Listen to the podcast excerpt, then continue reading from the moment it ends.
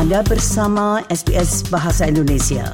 Dapatkan lebih banyak lagi cerita bagus di sbs.com.au garis miring Indonesia.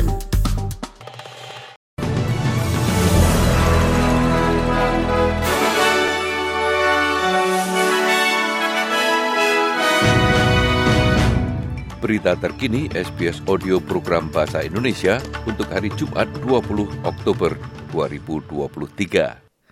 Menteri Ilmu Pengetahuan Ed Husik mengatakan pada hari Kamis yang lalu bahwa warga Palestina dihukum secara kolektif atas serangan Hamas terhadap Israel, sementara Menteri Pendidikan Anak Usia Dini, Anne Alley, telah menyerukan penyelidikan terhadap kemungkinan kejahatan perang.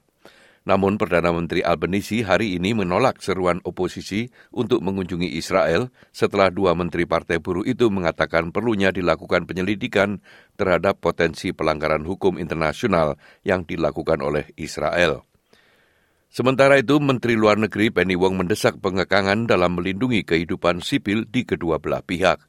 Namun wakil pemimpin oposisi Susan Ley mengatakan kepada Channel 7 bahwa Husik perlu mempertimbangkan posisinya setelah terlihat melanggar garis partai.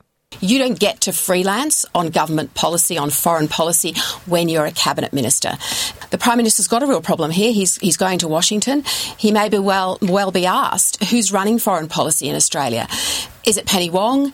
Is it Ed Husick? Namun komentar dari Susan Ley itu ditolak oleh Presiden ALB Wayne Swan yang mengatakan kepada Channel 9 News bahwa ia tidak menganggap posisi Husik dan Ali berada di luar garis partai. This is national security. Uh, the head of Asia has already warned about this sort of politics being played. Let's see a bit of political restraint, no more of this nonsense about deep divisions in the Labor Party.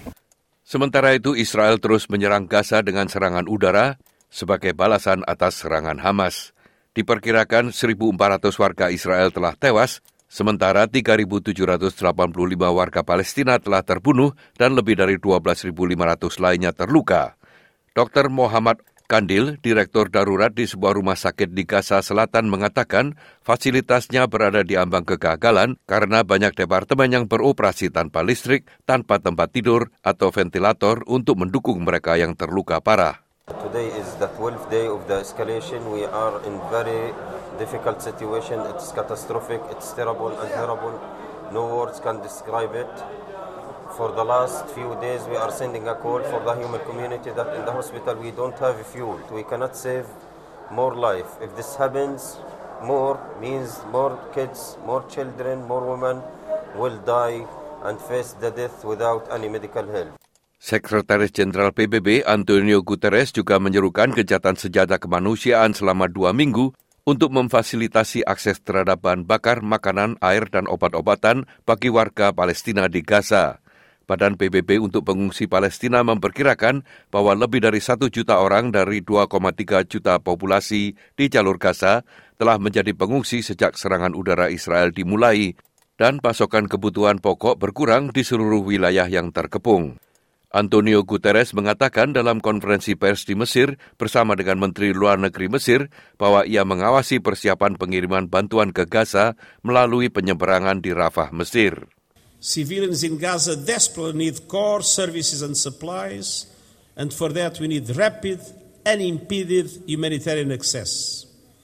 We need food, water, medicine, and fuel now. We need it at scale and we need it to be sustained. Organisasi Kesehatan Dunia mengharapkan perbatasan Rafah dari Mesir ke jalur Gaza dibuka untuk pengiriman bantuan yang sangat dibutuhkan. Ketua WHO Tedros Adhanom Ghebreyesus mengatakan truk-truk telah dimuat dengan siap berangkat dari organisasi tersebut bekerja sama dengan Badan Amal Mesir dan Palestina untuk mengirimkan pasokan ke Gaza segera setelah penyeberangan dibuka. Fuel is also needed for hospital generators, ambulances, and desalination plants, and we urge Israel to add fuel to the life saving supplies allowed to enter Gaza. Our trucks are loaded and ready to go. Kita kembali ke Australia di mana pemerintah federal secara resmi telah meluncurkan rencananya untuk membantu 2,6 juta pengasuh yang tidak dibayar di Australia untuk berpartisipasi dalam angkatan kerja. Strategi pengasuh nasional akan memberikan kerangka kebijakan yang komprehensif yang bertujuan untuk meningkatkan keamanan finansial bagi orang-orang yang merawat orang-orang terkasih tanpa bayaran, di mana sebagian besar pengasuh adalah perempuan berusia di atas 50 tahun. Menteri Pelayanan Sosial Amanda Risworth mengatakan pemerintah berkomitmen untuk mengatasi keragaman tantangan. We do know, of course, that um, uh, carers often don't ask for help. And it's carer advocacy and carer organisations uh, that lift their voices up and ensure that their needs are actually elevated. Kebakaran semak masih mengancam properti di Queensland Tengah yang menyebabkan warga tidak dapat kembali ke rumah mereka. Dinas Kebakaran dan Darurat Queensland telah mengeluarkan peringatan tidak aman untuk kembali untuk daerah Oyster Creek di dekat Gladstone dan peringatan juga berlaku untuk Deepwater. Petugas pemadam kebakaran telah berjuang memadamkan api yang telah menghanguskan lebih dari 3.000 hektar sejak hari Minggu yang lalu. Sekian berita SBS Audio program Bahasa Indonesia yang disampaikan oleh Ricky Kusumo.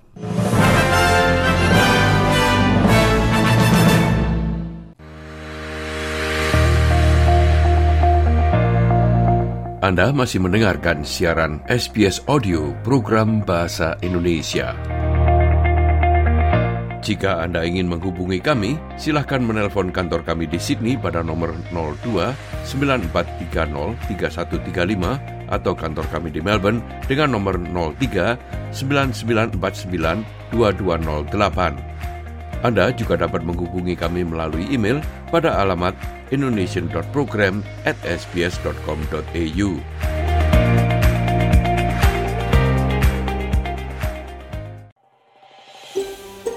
Anda ingin mendengar cerita-cerita seperti ini? Dengarkan di Apple Podcast, Google Podcast, Spotify, atau di mana pun Anda mendapatkan podcast Anda.